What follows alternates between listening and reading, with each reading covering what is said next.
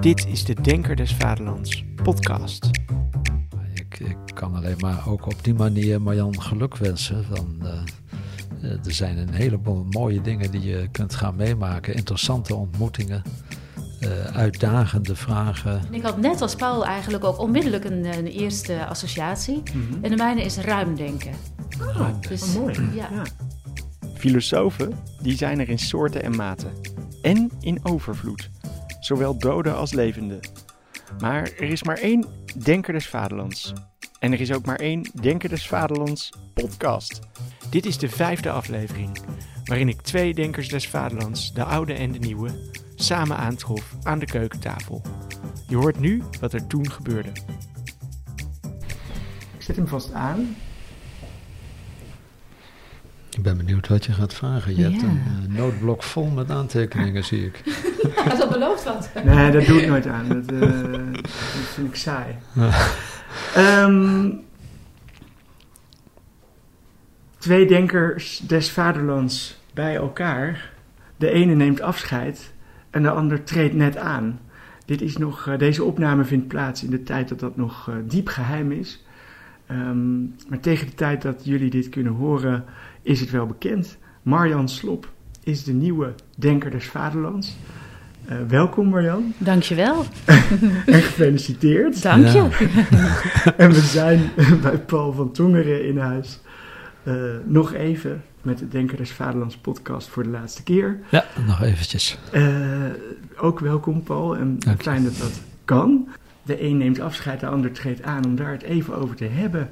Hoe is dat geweest eh, en hoe gaat dat zijn? Ja. Ehm, dus eh, allereerst misschien aan, eh aan, aan, de vraag: had je het zien aankomen ooit? Of was je totaal verrast? Eh, iets ertussenin. Dus had je het zien aankomen? Nee. Maar totaal verrast nou ook weer niet. Omdat het wereldje van de filosofen in, eh, in Nederland ook weer niet zo heel groot is. En ik natuurlijk al wel een aantal jaren me begeef op het gebied van de publieksfilosofie. Maar het was niet zo dat ik dacht, wanneer zal ik nou eens gebeld worden? Helemaal niet. Nee, helemaal niet. Ik, ik was ook wel, over, ook wel overdonderd hoor. Toen eh Mali belde me, Mali Huijer van eh, de stichting eh, Maand van de Filosofie. En eh, ik was op het strand en ik moest echt even, echt even gaan zitten. Van, oh, wat gaat het betekenen? Ja. Ja, ja. Ah, geweldig. Want dat, dat zal dan wel al in de afgelopen zomer zijn geweest. eh. het was het begin van de zomer. Ja, Ja. het Ja. moet altijd op tijd, want er moet van alles geregeld worden. Er moet een boekje gemaakt worden. Ja.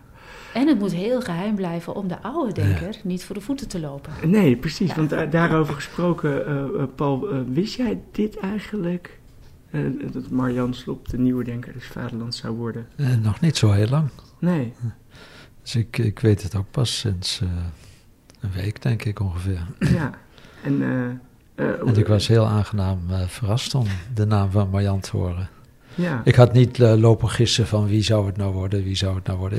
Ik heb wel een paar keer gedacht van wat voor iemand zou het worden. Mhm.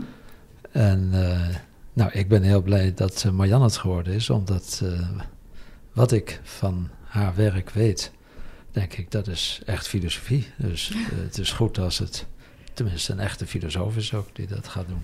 Ja, precies. En ehm, eh, je, je kende haar werk al wel, denk ik. Nou, eh, ik zal niet zeggen dat ik nou een kenner ben van het werk van Marjan Slop, maar ik heb eh, boeken van haar gelezen en ik heb haar ook meegemaakt. We hebben afgelopen jaar nog samen ergens in een programma in Antwerpen, denk ik. Ja, in Antwerpen, de Nacht van de eh, Filosofie. Ja. Ja. En komen we elkaar ook wel eens tegen op de ISVW bijvoorbeeld. Ook al zitten we dan niet bij elkaar in de klas, maar dan hoor je er ook zo wat over wat Ja. iemand aan het doen is. Denk je meteen eh, eh, heel veel plezier, eh, gefeliciteerd, er komt iets prachtigs op je af? Of denk je, ik ben blij dat, eh, dat ik het los kan laten en dat jij nu eh, mag? Alle twee. ja, ik vind het helemaal niet moeilijk om het los te laten. Integendeel, ik ben wel een beetje blij dat de grote drukte nu al een beetje afloopt en zometeen voorbij zal zijn. Maar het is ook een hele mooie ervaring geweest. En ja, ik, ik kan alleen maar ook op die manier Marjan geluk wensen. Van, eh, er zijn een heleboel mooie dingen die je kunt gaan meemaken. Interessante ontmoetingen eh, uitdagende vragen, eh, verrassende gebeurtenissen. rare ervaringen met fotografen. soms hele irritante ervaringen met journalisten. Oh ja. Die je komen interviewen en absoluut niet weten wat je ooit gedaan hebt. Die nooit een letter van je gelezen hebben, maar wel proberen je te interviewen. Gelukkig komt dat niet zo vaak voor, maar het komt voor, vooral bij wat kleinere krantjes.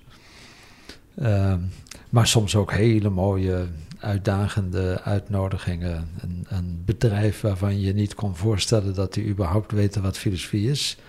Die je dan eh, uitnodigen om een week lang een filosofiecollege te kunnen geven aan de mensen. En, en dan te zien hoe, hoe mensen die uit een totaal andere richting komen, die, die ondernemer zijn, die, die met allerlei creatieve dingen bezig zijn. En dan ineens gegrepen kunnen worden door wat je als filosoof kunt vertellen over de geschiedenis van de filosofie of over belangrijke thema's uit de filosofie. Eh, dat zijn prachtige dingen om mee te maken.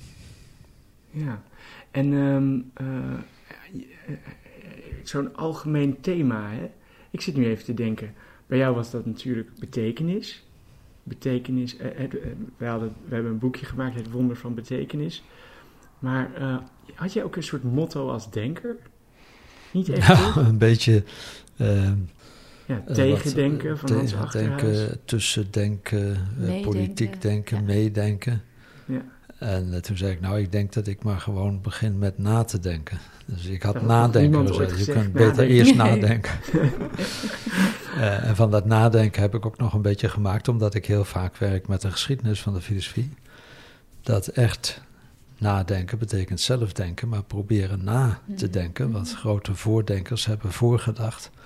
Dat is volgens mij de manier om te leren denken. Dus in die zin heb ik dat nadenken maar vastgehouden en een beetje op Ja. die manier uitgewerkt. Precies. En is dat ook echt een leidraad voor je geweest, Paul? Dat, dat motto? Want dat is mij natuurlijk ook gevraagd. En ik vraag me af eh, van hoe, hoe ordenend is dat of hoe structurerend is dat in wat je hebt gedaan? Nee, dat, dat motto nadenken. Eerlijk gezegd was ik dan weer vergeten dat ik dat had, had Ja. gekozen. En dat was ook meer als een soort spielerij in reactie Mm. op al die andere denking, denkingen. Eh, maar het thema eh, is voor mij wel eigenlijk alleen maar belangrijker Mm. geworden. Mm. Dus dat, Het thema dat- van de Het betekenis. thema van betekenis. Dus het, de verwondering over het gegeven dat eh, een menselijk leven voortdurend vervuld is van betekeniswaarneming. Dat wij op elk moment met al onze zintuigen altijd betekenis horen en voelen en zien. En niet alleen En- maar leven, maar het ook ervaren en van binnen. Ja, Ja, dat is een en, wonder. en het doorgaans geneigd zijn te vergeten, omdat het zo vanzelfsprekend Ja. is. Daarom was ik zo blij met het gedichtje dat Mark mij aanreikte en dat we als motto voor het boek hebben gekozen. Het motto eh, was een gedichtje van K. Schippers. dat zegt: Als je goed om je heen kijkt, zie je dat alles gekleurd is. Mhm. En dat is denk ik voor een belangrijk deel wat, denk ik, de filosofie moet doen. Mhm. Als je aandacht hebt, dan zie je de betekenis waar je doorgaans niet meer aan denkt, omdat die altijd om je heen is. Mhm. En die notie van betekenis en de manier waarop dat, waarop dat eh, een, een, een belangrijke thematiek kan worden in relatie tot subjectivistische tendensen in de samenleving, tot scientistische eh, Mhm. tendensen die alles proberen te reduceren tot het feitelijke enzovoort. Eh, de manier waarop het van belang kan worden in relatie tot de zogenaamde feit-mening-problematiek, Mhm. dat alles een mening zou zijn enzovoort. Eh, dat is mij eerder meer dan minder Mhm. centraal geworden in de loop van die twee jaar. Dus dat heeft wel echt gewerkt, ja. Dat En dat is ook wel fijn, dan, eh, je hebt dat boek en je kunt, want je houdt eindeloos veel lezen. Nou, eindeloos veel, maar ik denk dat ik er ongeveer 150 lezingen heb gehouden en 100 interviews en dan nog een stuk of 50 andere dingen en zo. Dus alles bij elkaar ben je behoorlijk bezig. En dan heb je ook dat boek waarin je je eigen idee over filosofie hebt voorgesteld, als een soort achtergrond waar je mensen naar kan verwijzen. Ja, Zo, ja. Als u, ik eindig vaak een lezing die over die thematiek gaat met een foto van het boek en zeg als u meer wil weten, dan eh, daar staat het. Slim, slim.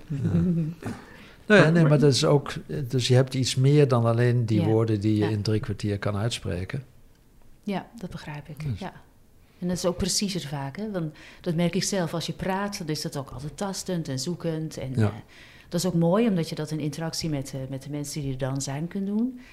Maar ik ben toch eerst en vooral een schrijver. Dus het is ook heel belangrijk om, om woorden te heroverwegen. En Ja. ik denk dat het ook wel des filosoofs is. Ja. Dat filosofen vaak schrijvers zijn. Omdat die ja, toch een steeds preciezere benoeming zoeken van wat, wat je nou eigenlijk uit wil drukken. Ja. En dat herken ik ook in wat, hoe jij eh, te werk gaat. Ja. Ja, precies. En heb jij zelf ook al ehm, zo'n soort, nou ja, ofwel motto ofwel thema bepaald voor jezelf? Ja, zo enigszins. Het is nog wat vroeg inderdaad. En, eh, maar ik, re- ik werd, ik werd, mij werd natuurlijk ook gevraagd, wat denk je te gaan doen? Ja. En ik had net als Paul eigenlijk ook onmiddellijk een, een eerste associatie. Mhm. En de mijne is ruim denken. Ruimte. dus- Oh, mooi. Ja. ja. Ik denk eh, ruim, ruim denken. Dus dat, er, eh, ehm, dat, er, dat je wilt luisteren naar jezelf, maar zeker ook naar andere mensen. En misschien zelfs naar, eh, naar het bestaan hè, Mhm. in de breedte. Ja. Eh, maar steeds vanuit jezelf, vanuit het besef dat je zelf op een eigen plek in de ruimte, ruimte staat. En dat je probeert die ruimte steeds groter te maken, steeds meer te kunnen ontvangen van de realiteit. Dat is voor mij eigenlijk eh, het programma wat ik heb. Maar ik vind het ook heel leuk om dat heel concreet en fysiek uit te werken. Want ik voorspel, en daar ben ik helemaal niet eh, bijzonder in of geniaal in of zo, maar ik voorspel dat er enorm veel kwesties zullen gaan ontstaan over het bezetten van de ruimte in Nederland. Hm. Dus het fysieke ruimte. We kunnen niet meer. eh, er is gewoon ruimtekrapte. Dus we zullen met elkaar gesprekken moeten gaan voeren van wie mag welke ruimte waarom be- bezetten. Echt Ja. zo. Dat zie je nu eigenlijk al rond de stikstofdiscussie. Hè? Van, eh, willen we hier eh, eh, boeren houden of moet er ruimte komen voor de natuur? En eh, een, een klassiek liberaal verhaal van als we elkaar nou met rust laten, dan kunnen we eigenlijk allemaal ons eigen programma volgen. Dat gaat niet meer lukken vanwege die, die krapte aan ruimte. Beperkte ruimte. Beperkte fysieke ruimte. En dat, dat zal ons noden, denk ik, of nopen tot waardediscussies. Van wat willen we met deze ruimte doen? Die we, Mhm. waar we allemaal onze plek moeten vinden.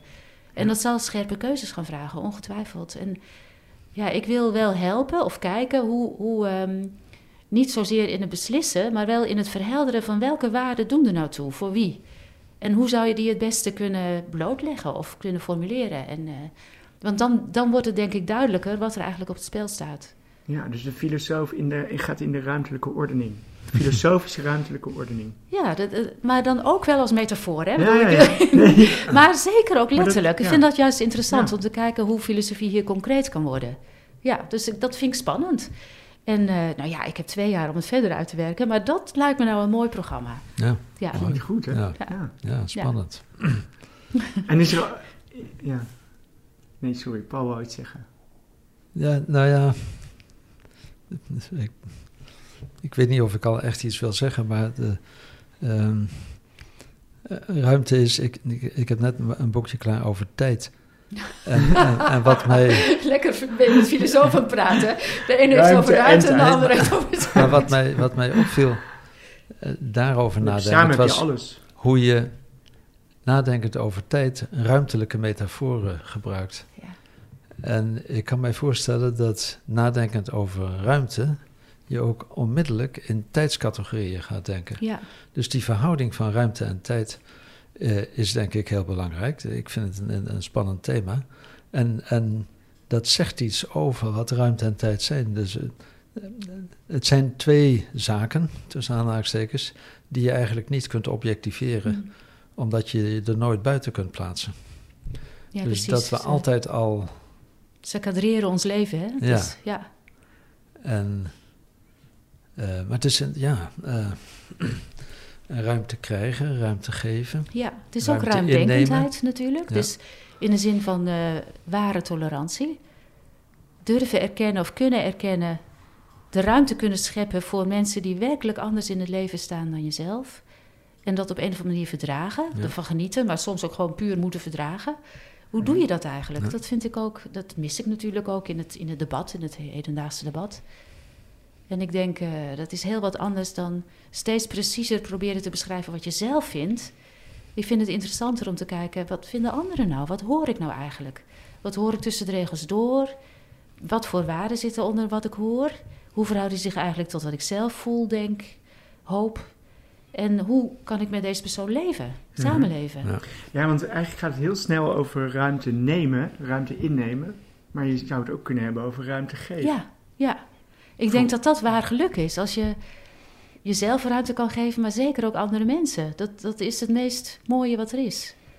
In Als de ruimte, geven, ja. Als je, als je gewoon gelukkig genoeg bent om ruimte te kunnen geven, want zo is het ook, denk ik. Of zeker genoeg, of vrede genoeg. Nou Ja, je ziet het soms als je stopt, eh, als je in een auto zit en je stopt voor een, eh, voor een zebra, hoe verrast mensen dan kijken. dat is denk Ja. ik een concreet voorbeeld Ja. van dat we eigenlijk niet gewend zijn om ruimte te geven. Ja, en Paul die zei een- poosje geleden aandacht. Dat vind ik ook een heel mooi woord. Echt een heel mooi woord. We hebben het steeds meer over focus. Maar eigenlijk is aandacht een veel interessanter woord. Want dat opent een ruimte voor wat je misschien nog helemaal niet in je eigen blikveld hebt. Hè? En dat, dat je even de tijd neemt om, om gewoon stil te staan of te luisteren of te kijken. Of nou ja, open te staan en te kijken wat er, wat er, wat er zo ook binnenkomt, los van wat je verwacht. Los van, los van je eigen plannen, je eigen vooronderstellingen. En ehm, dat geeft je gewoon inzicht in, in het bestaan. Maar het geeft ook, denk ik, ruimte aan andere mensen en Mhm. andere wezens.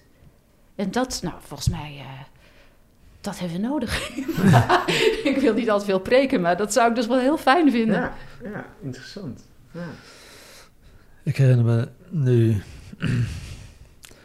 ehm, een stukje uit het boekje wat wij destijds gemaakt hebben, toen, toen ik begon twee jaar geleden. Eh, waar we een stuk hebben eh, opgenomen over onze ervaringen, de ervaringen van, van mijn vrouw en mij, toen we de vreemdeling vier maanden in huis hadden, vier en een halve maand. ja. En dat heeft alles ook met ruimte te maken, denk ik nu ineens aan. Ik herinner De- me dat wij daar ooit wel eens, toen we elkaar tegen het lijf liepen, en hebben we eens een keer een broodje gegeten. Ja, ja, ja. ja. Want je voelt ineens wat. Ruimte is ook zoiets. Dat is het mooie aan het thema, of een van de mooie dingen aan het thema. Iets waar je nooit over nadenkt, omdat het altijd al. Je bent altijd al in een ruimte.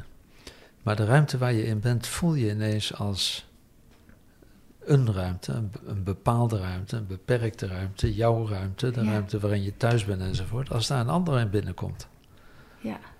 Eh, dus het is een bewustwording, zou je kunnen zeggen. Het dwingt je aandacht te krijgen voor de ruimte die je als een vanzelfsprekendheid altijd om je heen hebt. Door daar een ander in binnen te laten of te zien komen. Ja, en in jouw geval kwam, kwam je er zelfs een beetje achter dat ook jouw identiteit eh, of jouw, jouw, jouw Nou ja, maar- zijn bepaald wordt door die ruimte en dus ook aangetast werd doordat je, dat er altijd een ander was ineens, ja, toch? Ja, maar da- daarom ruimte is niet zomaar de bak waar je toevallig in zit. En dus, eh, je- dus wij, zijn één met een bepaalde ruimte om ons heen. Dus Mhm. eh, je bent wie je bent, eh, in en door en dankzij de ruimte waar je je in bevindt. Ja. Eh, maar dat is precies iets waar je normaal gesproken niet aan denkt, omdat Ja. dat de vanzelfsprekende omgeving is. Maar er- er zijn momenten, en ik kan me voorstellen dat als je die, die term zo centraal stelt, dat je allerlei uitwerkingen eh, kunt, kunt geven. De, uitwerkingen die duidelijk maken hoe we ineens ons bewust kunnen worden, of, a- en dus aandacht kunnen krijgen voor dat wat als een soort vanzelfsprekende ruimte Ja. Mhm. om ons heen is. Ja. ja, ook Heel het goed, voorbeeld van jou, eh, het was een Syrische man hè, die je in Ja. huis haalde. Het geeft ook iets aan over de overgang tussen private en publieke ruimte. En dat interesseert me ook. Dus het gaat over politiek en democratie. En bijvoorbeeld ook, dat, ik spring nu misschien van de hak op de tak hoor, maar social media, die, die, die laveren heel raar tussen die private en die publieke ruimte. Daar zijn we echt niet over nagedacht, omdat we niet weten wat, in welke ruimte dat nou eigenlijk hoort, die social media. Dus ik denk dat het inderdaad, ik hoop, maar ik denk ook wel, ik geloof ook wel dat dat begrip ruimte, dat me dat kan focussen om op heel verschillende bewegelijke manieren toch een koers te vinden. Dus eh, ja. dat En, hoop en, ik. en zit dat ook in het boekje? Eh, tenminste, jij, hebt toch ook een boekje gemaakt? Ja, ja, nou ik niet. Hè. Jannetje Koelewijn heeft een boekje geschreven Van de NRC? van de NRC. En Ja. eh, het is haar boekje, want zij heeft... Je, bent zelf interviewer, je weet, je kiest een lijn. Hè? Dus eh, er wordt een hele hoop gezegd en zij heeft gekozen eh, wat ze interessant vond aan wat je, ik je mag vertelde. de titel ook gewoon noemen, hè? Dat, Ehm, wat, wat was Want het boekje is uit dan. Tegen Dan de is tijd is het uit, ja. Maar wat was het? Ja, wat moeten we dan even we zitten nog in een correctiefase, joh. Oké. Het is echt... eh, ehm, ruimte voor het andere heet het, geloof Oké, ik. oh, dus, Ja. dus- nou, Ja. zeg, het- zeg het even opnieuw nog. Ruimte voor het andere. Ja, Oké, van mooi. Spoelewijn. Ja. Wat leuk. En, want daar, nou ja, de- titel zegt het al, daar staat dat dus ook in, eh, centraal in, het begrip ruimte. Ja, maar wel wat minder dan. Dat, we hebben dat eerder gemaakt dan, eh, dan dit gesprek. En ik moet zeggen, het grijpt gewoon. Wat ik precies. Dus ik heb vrij intuïtief voor het begrip ruimte gekozen. Maar wat er allemaal aankoekt, ik maar zeggen, wat er allemaal aan gaat plakken. Ja, dat merk ik nu eigenlijk pas. En eh, daarom helpt zo'n gesprek als deze dit ook. Het is toch interessant eigenlijk, want ik heb dit proces nu best een paar keer gezien. En eh, ik weet bijvoorbeeld ook nog bij René Gude aan het begin dat er eigenlijk was niet. Er, was, er waren allerlei ideeën van hè, wat, waar hij zich mee bezig wou gaan houden. Maar gaandeweg, gedurende die twee jaar, werd het toch ook weer iets heel anders. Iets heel moois, maar, maar niet wat hij van tevoren bedacht had. Ja, En, ja. en, en, en ook was er van tevoren wel de vraag: ja, maar heb je wel zo'n soort synthese, zo'n zo'n belangrijk, zo'n belangrijke knoop of, of punt waar je altijd op terugkomt? En soms is dat er nog niet, maar blijkt het er toch te zijn gedurende die tijd. En eh, blijkt het te ontstaan. En, Ja. en bij. eh, Ja, en het, Ja. het wordt eh, in de loop van die twee jaar concreter in een heel letterlijke zin. Het, het groeit samen met allerlei dingen waarmee je het gaat verbinden. Je wordt uitgenodigd om te spreken niet alleen over je eigen onderwerp, over dat wat je als thematiek hebt voorgesteld, maar soms krijg je een hele directe vraag. Kun je een keer iets komen vertellen over? En dan kiezen zij een onderwerp of een thematiek. En je bent dan zelf, tenminste, ik was steeds aan het proberen om die thematiek ook in te vullen vanuit datgene wat ik als thema had gekozen. Dus de gevraagde thematiek invullen vanuit het thema dat ik zelf gekozen had. En daardoor gaat dat thema steeds rijker worden, groeit dat vast aan allerlei concrete vragen en wordt het ook steeds eh, interessanter eigenlijk. Kijk, want zo'n thema is in zekere zin nog een abstracte, dat is een, dat is een, ja. ja, een, een, een term waar meteen al natuurlijk een heleboel aan vastzit en een heleboel achter zit. Maar het gaat concreet worden doordat het toegepast wordt op alle mogelijke onderwerpen Mm. waarover je gevraagd wordt. En dat komt vanzelf doordat iedereen in het land aan jou eh, gaat trekken, natuurlijk. Ik ga het meemaken, ja. Maar het lijkt me wel leuk hoor. Wat Ja? Paul beschrijft, dat hoop ik ook wel. Ja. Dat, eh, dat hoop ik er. Ik bedoel, ik wil natuurlijk graag de publieksfilosofie uitdragen. Dat is ook eigenlijk de missie van, eh, Mhm. van de Denker des Vaderlands. Maar voor mezelf hoop ik dat ik inderdaad dat begrip ruimte kan toepassen als een soort modus van, op heel veel verschillende eh, plekken en eh, op, aan de hand van heel veel verschillende thema's en vragen. En ik denk dat het kan, dat het wel het type woord is waardoor, eh, waardoor ik bewegelijk genoeg, genoeg kan blijven, terwijl het toch eh, eh, ook een, een dat het me inderdaad helpt om te focussen, toch wel. Want Ja, ja, en, en wat ik er mooi aan vind ook is dat het, het past wel heel erg bij het idee van een denker des vaderlands. Hè, het, het, het heeft met, het- ik heb er meteen een associatie bij eh, die echt over Nederland gaat Mm, ook. Hè, met ja. ruimtelijke ordening, omdat het zo'n klein land is. En jij ook zegt van nou, dat wordt de komende tijd alleen maar krapper. Ehm, in letterlijke zin, misschien ook in figuurlijke zin, in, in termen van de ideeën en mensen die tegenover elkaar komen te staan. Ik denk ineens aan iets wat ik, eh, een van die interessante dingen die je dan meemaakt eh, en, en van tevoren natuurlijk niet voorziet, is, ik had een keer in een interview, denk ik, in de krant of op radio, weet ik niet meer, iets gezegd over eh, eenzaamheid. Ja, volgens mij was het bij de radio Spraakmakers, was een keer een onderwerp voor die dag. Eh, eigenlijk is dat jouw onderwerp. Ik zeggen, daar heeft Marjan natuurlijk een boek over geschreven. Ja. eh, ja, dat was ik niet vergeten. Maar goed, als je, Mhm. eh, als ze je opbellen en je moet, dan mag je er ook zelf Ja, iets over zeggen. het is niet alleen mijn Ja, onderwerp. nee, nee. Maar in reactie daarop kreeg ik eh, eerst een mail, denk ik, en toen een brief en uiteindelijk een heel pakket boeken van een stedenbouwkundige. Hmm. Die mij een heel interessant verhaal vertelde over hoe eenzaamheid te maken heeft met de manier waarop wij onze publieke ruimte Ja. inrichten. En die daar zijn, zijn levenswerk ongeveer van gemaakt had. Dat, dat soort onverwachte eh, contacten die je opdoet door iets wat je zegt en waardoor je ook ziet hoe dat een, een abstracte filosofische gedachte verbonden kan worden Mhm. met een hele concrete materiële aangelegenheid als de inrichting van een stad en, en de manier waarop welk soort woningen op welke afstand van elkaar waar neergezet worden en, enzovoort. Dat is prachtig om te zien. En eh, dus dat soort contacten die je kunt opdoen in de loop van eh, je denkerschap, alleen dat al is, eh, maakt het de moeite waard, denk ik. ja. Ik vind het ook heel mooi als dat denken inderdaad verbonden raakt met hele concrete toepassingen. Want in, in bijvoorbeeld architecten, die denken natuurlijk heel, heel nou, ruimtelijk na, maar die denken heel erg na over eigenlijk over wat het goede leven is. Ja. En dat, eh, dat, dat, ik, ik verheug me op dat soort contacten. Mhm. Dus van mensen die, die veel meer dan filosofen ehm, eh, ja, iets neerzetten, fysiek, materiële ingrepen doen, maar dat wel, dat wel weten dat, dat ze daarmee iets aanrichten en dat ze daar een soort verantwoordelijkheid voor dragen en daar, daarop willen reflecteren. Nou, dat, dat lijkt me erg leuk om, daar, eh, om me daarmee te verbinden. Ja, mooi. Ja. Ja. dus, eh, dus ook zeker die, die, die praktische eh, toepassing van Ja, denken. ja. En, ehm, En dat heb ik eigenlijk ook wel gedaan. ja, je hè, hebt want- ook al heel verschillende thema's gehad natuurlijk. Over hersenen, eh, nou eenzaamheid noemden we al. ja, Net en- over hout ook. Ja, precies. Ja, ja en dat, eh, dat is eigenlijk ook wel een voorbeeld van hoe ik gewoonlijk nu eigenlijk al als vrije filosoof mijn brood Mhm. verdien. Dus ik ben door, door het ministerie van Binnenlandse Zaken gevraagd om eh, een discussie rondom houtbouw te onderzoeken. Ja. En, ehm, nou ja, er moeten ontzettend veel huizen gebouwd worden in Nederland, hè, vindt het kabinet.